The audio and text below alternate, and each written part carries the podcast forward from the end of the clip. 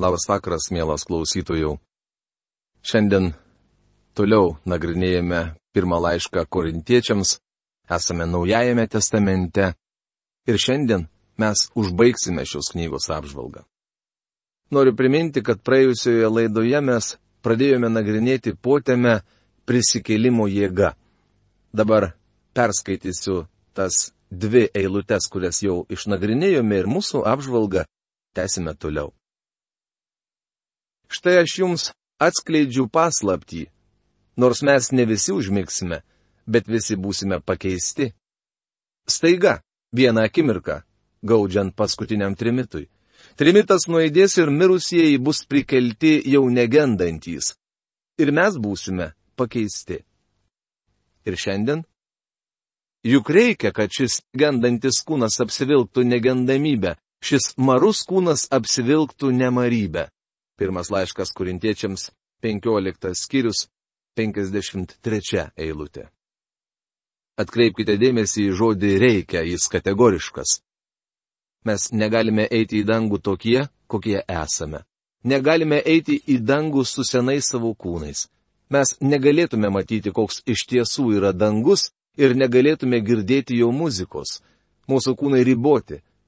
Kalbant apie dangų, mes esame beveik kurti ir akli. Netgi čia, žemėje, mes matome labai siaurą spektrą ir girdime labai mažai garsų. Jei į dangų patektume su šiais savo senais kūnais, mes nepamatytume nei pusės to, kas iš tiesų vyksta. Mano draugė, kai aš pateksiu į dangų, nenoriu nieko praleisti. Todėl man reikės naujo kūno. Juk reikia, kad šis gendantis kūnas apsivilktų negendamybę, šis marus kūnas apsivilktų nemarybę. Kada šis gendantis kūnas apsivilks negendamybę ir šis marus kūnas apsivilks nemarybę, tuomet išsipildys užrašytas žodis - pergalė sunaikino mirtį. Pirmas laiškas korintiečiams 15 skyrius 54 eilutė. Tai yra prisikelimo pergalė. Kurgi mirtie tavoji pergalė, kurgi mirtie tavasis geluonis? Mirties geluonis yra nuodėmė, o nuodėmės jėga įstatymas. Bet dėkui Dievui, kuris duoda mums pergalę per mūsų viešpati Jėzų Kristų. Pirmas laiškas kurintiečiams 15 skyrius 55-57 eilutės. Girdėjau, kai vienas Biblijos mokytojas teigė, jog Dievas ištraukė mirties geluonį, vadinasi, jį tarsi bitė, kuriai pašalintas geluonis. Tačiau aš negaliu atskirti, kuri bitė jau nebeturi geluonies. Negaliu juk sustabdyti kiekvienos bitės ir klausinėti, na tai ar turi geluonį? Todėl bijau visų bičių. Mirtis prarado geluonį dėl to, kad mes turime žvelgti daug toliau už mirtį. Mirtis tai durys, kurios atveria plačią amžinybę. Mes pradedame eiti ne laiko, bet amžinybės keliu. Tačiau eiti pro tas duris man visai nepatinka. Kurgi mirtie tavoji pergalė? Atrodo, kad laimi mirtis. Daugelis žmonių buvo sėkmingi verslininkai, tačiau galiausiai mirtis juos nugalėjo. Daugelis politikų išrenkami į aukštus postus, netgi prezidentais, tačiau miršta eidami savo pareigas. Jie pasiekia aukštumas, tačiau mirtis prieartėja prie jų ir skelbia savo pergalę. Mirtis - siaubingas monstras. Tačiau Kristus ėjo šiuo keliu kaip skrynė perėjo per Jordano upę ir pasiekė kitą krantą, taip ir Kristus dėl manęs perėjo mirties vandenis ir sako man, aš tavo ganytojas. Nepamiršk, kad vedu tave ne tik per šį gyvenimą, tačiau vesiu ir per gilius mirties vandenis į amžinybę. Taigi aš bijau kaip mažas vaikas, tačiau paimsiu už jo vinimis perdurtos rankos ir jis perves mane į kitą krantą kurgi mirtie tavoji pergalė? Mirties gelonis yra nuodėmė. Nuodėmė turi tikrai geluonį. Nuodėmės jėga įstatymas. Įstatymas tai veidrodis, kuris parodo mums, jog esame nusidėjėliai. Bet dėkui Dievui, kuris duoda mums pergalę. Kaip?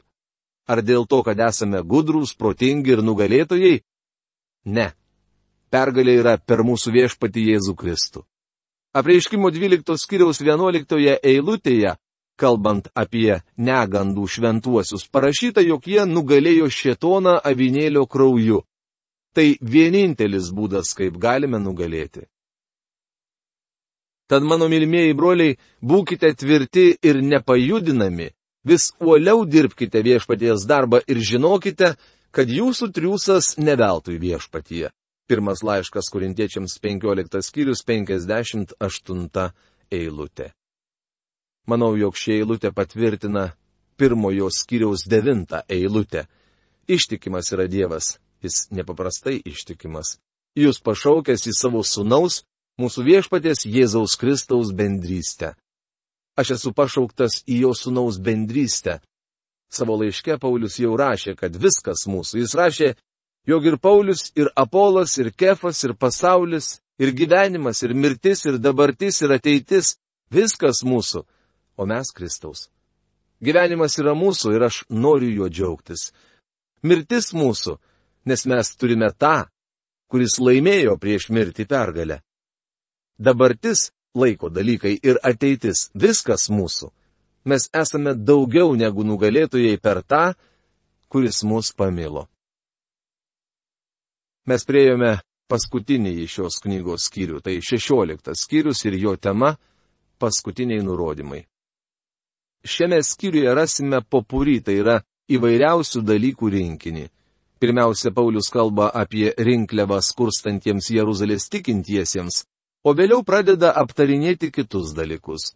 Jis rašo apie galimybės ir pasipriešinimą, apie būdėjimą ir maldą, apie bažnyčios elgesį, doktrinos išbandymą bei tai, kas dvasiška. Apžvelgiama visa bažnyčia. Nuo pirmos iki ketvirtos eilutės kalbama apie rinkliavą. Penkta, devinta eilutės asmeniškos, Paulius rašo apie savo planus. Nuo 10 iki 24 eilutės kalbama apie asmenybės, kurios vaikščiojo ištvirkusio Korinto gatvėmis ir gyveno dėl Kristaus. Taigi rinkliava. Dėl rinkliavos šventiesiems padarykite taip, kaip aš esu nurodęs Galatijos bažnyčioms. Pirmas laiškas korintiečiams, 16 skyrius, pirma eilutė. Paulius pradeda skyrių rašydamas apie aukas. Atrodytų, jog pakalbėjęs apie prisikelimą, šlovingiausią krikščionių tikėjimo doktriną, jis turėtų pasakyti, broliai mes esame dangaus rytyse, todėl pasilikime debesyse. Tačiau atrodo, jog jis staiga ištraukia kištuką. Mes suprantame, jog ką tik nusileidome ant žemės. Paulius prabyla apie pinigų rinkliavą skurstantiems Jeruzalės šventiesiems. Kai kurie dievobaimingi žmonės tvirtina, nereikia kalbėti apie aukas, tai materialiniai dalykai. Kalbėkime apie tai, kas dvasiška. Paprastai tie žmonės nenori, kad būtų pamokslaujama apie aukas, nes ši tema juos trikdo. Viliuosi, jog jūsų Biblija atversta ir jūs labai atidžiai skaitysite, kas joje parašyta, nes aš pacituosiu klaidingai. Kas pirmąją savaitės dieną kiekvienas jūsų te atneša dešimtines ir paukojimus, kad kai atvyksiu, nebūtų jokios rinkliavos. Galbūt, kai atvyksiu, mes surenksime specialią arba labai kuklę rinkliavą. Galite paprieštarauti. Perskaitai ne taip, kaip parašyta. Ne, ne taip. Aš perskaičiau taip, kaip daugelis dabar daro. Paskaitykite, ką Paulius iš tiesų rašė. Kas pirmąją savaitės dieną kiekvienas jūsų te atideda sutaupęs, kiek galėdamas, kad rinkliavos neprasidėtų tik tai man atvykus. Pirmas laiškas kurintiečiams 16 skyrius, antra eilutė. Kas pirmąją savaitės dieną? Jei pirmąją savaitės dieną jūs nesusirenkate pagarbinti viešpaties, tuomet gal tą dieną norėsite susitikti ir surinkti aukas, kurios yra garbinimo dalis? Žinoma, tai jokinga. Pirmąją savaitės dieną bažnyčia susirinkdavo atminti viešpatės Jėzaus mirtį ir prisikelimą. Jėzus prisikėlė pirmąją savaitės dieną, sekmadienį, o ne per šabą. Kiekvienas jūsų te atideda sutaupęs kiek galėdamas. Paulius nieko nekalba apie dešimtines ir aukas. Korintiečiai turėjo aukoms atidėti iš to, kiek Dievas juos palaimino. Kai buvau Teksaso bažnyčios pastorius, Vienas iš mano tarnautojų turėjo keletą Coca-Cola gamyklų. Jis buvo turtingas žmogus, turėjo rančią, į kurią vykdavome medžioti ir žvejoti. Jis dažnai manęs klausdavo, kodėl aš nepamokslauju apie dešimtines. Vieną dieną jo pasiteiravau, kam pamokslauti apie dešimtines. Jis atsakė, nes taip aukoti moko Biblija. Aš sutikau, taip, tai buvo vienas iš būdų, kaip žmonės aukodavo Senojo testamento laikais, tačiau gyvenant malonėje, nemanau, jog dešimtinis yra tinkamas būdas aukoti. Tuomet jis paklausė, o kaip reikia aukoti? Aš pacitavau eilutę, kiek gali, arba kiek Dievas palaimino. Tai buvo 1930-ieji sunkus depresijos metai, taigi aš jam pasakiau, dėl kažkokios priežasties Coca-Cola perkama ir tau puikiai sekasi. Tačiau mūsų bažnyčioje yra narių, kurie dabar negalėtų atnešti dešimtinės. Nemanau, jog Dievas prašo, kad jie aukotų dešimtąją dalį. Yra keletas žmonių, kurie gyvena pasiturinčiai ir jie privalo aukoti iš to, ką turi, neapsiriboti vien dešimtinę. Galbūt jie turėtų paukoti pusę. Šis žmogus daugiau niekada nebesiūlė man pamokslauti apie dešimtines. Jis mokėjo dešimtinę, tačiau nenorėjo aukoti pagal tai, kiek Dievas jį palaimino. Kad rinkliavos neprasidėtų tik tai man atvykus. Paulius nenorėjo, kad jo susitikimas su tikinčiaisiais būtų sugadintas įtampos renkant aukas. Savo tarnavimo dienomis kartais aukoms turėdavau skirti tiek pat dėmesio, kiek ir pokalbiui su naujai atsivertusiais žmonėmis. Paulius mus moko, kaip rinkti paukojimus. Atvykęs aš pasiūsiu žmonės, kuriuos jūs nutarsite esant tinkamus, kad jie su lydimaisiais laiškais nugabentų jūsų dovaną į Jeruzalę. Jei pasirodytų reikalinga ir man keliauti, tai jie vyks kartu su manimi. Pirmas laiškas kurintiečiams 16 skyrius 3-4 eilutės. Paulius rašo kurintiečių išrinkti komitetą, kuris kartu su juo nuvežtų rinkliavą į Jeruzalę. Gerai, kai už paukotus pinigus atsakingas daugiau nei vienas žmogus, nes pavojinga vienam asmeniu juos tvarkyti. Net jei žmogus sažiningas, vis tiek įla įvairių pagundų. Paulius nurodo geriausią būdą, kaip tvarkyti paukotus pinigus. Apaštalas čia kalba apie jų dovaną. Įdomu pastudijuoti žodžius, kurie vartojami krikščionių aukoms apibūdinti. Mūsų nagrinėjamoje pastraipoje jis vadina juos logija arba rinkliava. Vėliau Paulius kalba apie jų haris arba dovaną, tai žodis, kuris reiškia malonę. Laiškė romiečiams 15 skyriaus 26 eilutėje rinkliava vadinama kainonija bendrystę. Antrame laiške kurintiečiams 9 skyriaus 5 eilutėje ji vadinama eulogija, o tai reiškia gausa arba palaiminimas. Antrame laiške kurintiečiams 9 skyriaus 12 eilutėje tai vadinama diakonija, išvertus tvarkymas arba tarnavimas. Apaštalų darbų 24 skyriaus 17 eilutė kalba apie pašalpą eleemausne, o tai reiškia geraširdiškas poelgis.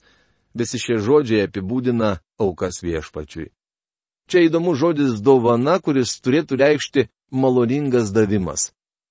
Kaip Dievas jūs palaimino? Ar jūsų davimas viešpačiui gali būti laikomas dosne dovana? Kunigų knygoje duodami nurodymai, kaip Dievo žmonės Senajame testamente turi aukoti dešimtines. Iš pradžių Izraelyje vyravo teokratija, o dešimtinės kurias izraelitai privalėjo sunešti, išlaikė ir valdžią, ir šventyklą. Iš visų savo pajamų žmonės aukodavo maždaug 30 procentų. Tai leidžia mums suprasti, kiek izraelitai aukodavo Senojo testamento laikais, paklusdami įstatymui. Kaip manote, kokia dovana tiktų gyvenant malonės laiku? Asmeninės pastabos. Aš atvyksiu pas jūs perėjęs Makedoniją, mat per Makedoniją aš tik eisiu, o pas jūs, galimas daiktas, pabūsiu arba ir peržiemosiu, kad jūs mane palydėtumėte, kai vyksiu toliau. Pirmas laiškas korintiečiams 16 skyrius 5-6 eilutės. Frazė, kai vyksiu toliau, rodo, jog Paulius nežinojo, kur keliaus. Ar tai reiškia, jog didysis pagonio paštalas neturėjo plano ar kelių žemėlapio iš viešpaties, kuriame būtų nurodyta, kur jis turi vykti? Ne, Paulius sako, jog viešpats jį veda ir tiek. Jis nežino, ką turės daryti. Tai man kelia didelį pasitenkinimą, nes ir aš nieko nežinau apie savo ateitį. Krikščionių tarnavimuose yra žmonių, kurie man pasakoja, kur vyks ir ką veiks po penkerių metų. Tai man kelia nerima, nes niekuomet iš viešpatės nesugavęs tokių nurodymų. Skaitydamas apie tai, jog Paulius nežinojo, kas jo laukia, patiriu didelę paguodą. Pauliui ir man viešpats nedavė kelių žemėlapio. Jis veda mus diena iš dienos. Mūsų gyvenimas šlovingai permainingas. Aš nenoriu dabar su jumis susitikti prabėgomis. Tikiuosi, jei viešpats leis, kurį laiką pasilikti pas jūs. Pirmas laiškas kurintiečiams 16 skyrius 7 eilutė. Paulius tvirtina, kad jis planuoja nuvykti į Korintą, bet tik tuo atveju, jei viešpats leis. Ar mes neturėtume kurti planų? Žinome, turėtume, tačiau tie planai visuomet privalo paklusti Dievo valiai. Mes turime norėti juos pakeisti. Išvykdamas Paulius neturėjo tokio misionieriškų kelionių grafiko, kurio nebūtų galėjęs pakeisti. Jis keliavo taip, kaip viešpats jį vedė. Apaštalų darbų knygoje skaitome, kaip viešpats antrosios misijų kelionės metu jį nukreipė kitur. Paulius keliavo į Aziją, o Dievo dvasia pasiuntė jį į Europą. Jis nežinojo, jo keliauja į Europą. Jis neturėjo Europos vizos, tačiau tomis dienomis vizos ir nereikėjo. Jis keliavo ten, kur jį vedė šventoji dvasia. Efeze aš prabūsiu iki sėkminių, Pirmas laiškas kurintiečiams 16 skyrius 8 eilutė. Toks buvo jo planas. Mat man atsivėrusios plačiaus duris našiam darbui, bet ir priešininkų daug. Pirmas laiškas kurintiečiams 16 skyrius 9 eilutė. Tai nuostabiai eilutė, kurią aš susijėjau su apreiškimo knygos trečiaus skyriaus 8 eilute. Tai Kristaus žinia Filadelfijos bažnyčiai. Štai aš atvėriau prieš tave duris Ir Paulius sako, man atsivėrusios plačios durys našiam darbui. Šios dvi eilutės pasitvirtino tarnavime, kurį Dievas man patikėjo. Taip pat tiesa, jog priešininkų yra daug. Bet kuris žmogus, ginantis Dievo žodį, turi daug priešų. Tai patyrė ir Paulius. Patyriau ir aš. Tačiau viešpats atveria duris ir joks žmogus negali jų uždaryti. Ačiū Dievui iš tai. Taigi matome Paulių, šlovinga ir laiminga, besidžiaugianti Dievo valia. Jei viešpats norės, kad jis vyktų į Korintą, jis nuvyks. Asmenybės. Korintas buvo nepaprastai ištvirkęs, gašlus, pasidavęs nedorybei miestas. Apie uždraustą seksą jie išmanė daugiau nei dabartinė karta. Tačiau Korinto gatvėmis vaikščiojo ir tie, kurie pažinojo viešpatį Jėzų ir dėl jo gyveno. Jie išsaugojo save nesuterštus šiuo pasauliu. Jeigu atvyks Timotiejus, žiūrėkite, kad jis gyventų pas jūs be baimės, nes jis dirba viešpaties darbą kaip ir aš. Taigi tegul niekas jo neniekina. Išlydėkite jį su ramybė, kad atvyktų pas mane, nes laukiu jo su broliais. Pirmas laiškas korintiečiams 16 skyrius 10-11 eilutės. Kodėl jie galėjo niekinti Timotiejų? Pirmame laiške Timotiejų ketvirtos skyriaus 12 eilutėje Paulius rašė. Niekas tegul neniekina tavo jaunystės. Taigi apaštalas liepia Korinto bažnyčiai priimti Timotiejų, nors jis labai jaunas. Jis Dievo žodžio skelbėjas. Broliai Apolą aš labai raginau keliauti su broliais pas jūs, bet jis niekaip nenori šiuo metu. Jis atvyks, radęs tinkamą laiką. Pirmas laiškas kurintiečiams 16 skyrius 12 eilutė. Prisiminkite, jo Korinto bažnyčia buvo susiskaldžiusi dėl Pauliaus, Apolo ir Petro. Tačiau Paulius mylėjo Apolą ir aiškiai parodė, jog jie kartu tarnauja viešpačiui. Apaštalas užtikrina korintiečius, kad Apolas vėliau atvyks jų aplankyti. Būdėkite, tvirtai laikykitės tikėjimo, elkitės vyriškai, būkite stiprus. Viską darykite su meile. Pirmas laiškas korintiečiams 16 skyrius 13-14 eilutis. Šie žodžiai ir šiandien labai reikalingi. Broliai, jūs pažįstate Steponų namus ir žinote, kad jie yra Ahajos pirmatikiai, pasiaukoja tarnauti šventiesiems. Aš prašau, kad ir jūs būtumėte klusnus tokiems žmonėms ir visiems, kurie su jais dirba ir triūsia. Pirmas laiškas korintiečiams 16 skyrius 15-16 eilutės. Kai skaitome žodį pasiaukoja, arba tiksliau išvertus įpratę, iš karto pagalvojame apie įpratimą prie narkotikų. Tačiau šie žmonės buvo įpratę tarnauti šventiesiems. Tai buvo didis tarnavimas jis ragina korintiečius pavesti save tiems, kurie atvyko jiems patarnauti. Aš džiaugiuosi Stepono, Fortunato ir Ahaiko apsilankimu. Jie man atstojo jūs. Pirmas laiškas korintiečiams 16 skyrius 17 eilutė. Šie žmonės greičiausiai Pauliui atnešė Korinto bažnyčios laišką. Paulius rašo Korinto tikintiesiems, jog šie trys krikščionys tokie nuostabus, jog atstojo visą bažnyčią. Atgaivino mano ir jūsų dvasę. Branginkite tokius žmonės. Pirmas laiškas korintiečiams 16 skyrius 18 eilutė. Paulius sako, kai jie grįž, padėkokite jiems. Jūs sveikina Azijos bažnyčios. Karštai sveikina viešpatyje Akvilas ir Priska kartu su bendruomenė, kuri renkasi jų namuose. Pirmas laiškas korintiečiams 16 skyrius 19 eilutė. Štai iš kur daugelis šių žmonių sužinojo apie Kristų. Jūs sveikina visi broliai. Pasveikinkite vieni kitus šventų pabučiavimu. Pirmas laiškas korintiečiams 16 skyrius 20 eilutė. Ar tai leidimas bučiuotis? Žinoma taip, jei tai šventas pabučiavimas dauguma bučinių netokie. Sveikinu Jūs savo Pauliaus ranka. Pirmas laiškas korintiečiams 16 skyrius 21 eilutė.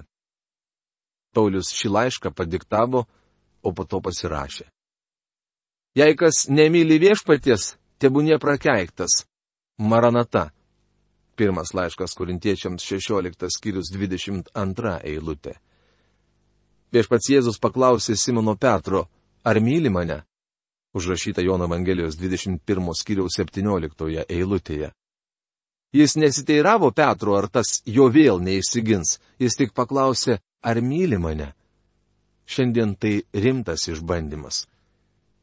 Ar jūs mylite Kristų? Pavartotas žodis anatema reiškia prakeiktas. Paulius sako, jei kas nemyli viešpaties, tebūnie prakeiktas. Maranata išvertus reiškia, mūsų viešpats ateina. Viešpatės Jėzaus malonė tebūnie su jumis. Mano meilė jums visiems Kristuje Jėzuje. Amen. Pirmas laiškas korintiečiams 16 skyrius 23-24 eilutės. Jei mylite viešpatį Jėzų, mylėsite ir šventuosius. Laiškas baigiamas aukšta meilės gaida. Taigi tokia žinia šiandien. Kitoje mūsų laidoje mes su jumis vėl sugrįšime į Senąjį testamentą ir apžvelgsime Ezros knygą. O šiandien savo laidą baigiame. Sudė.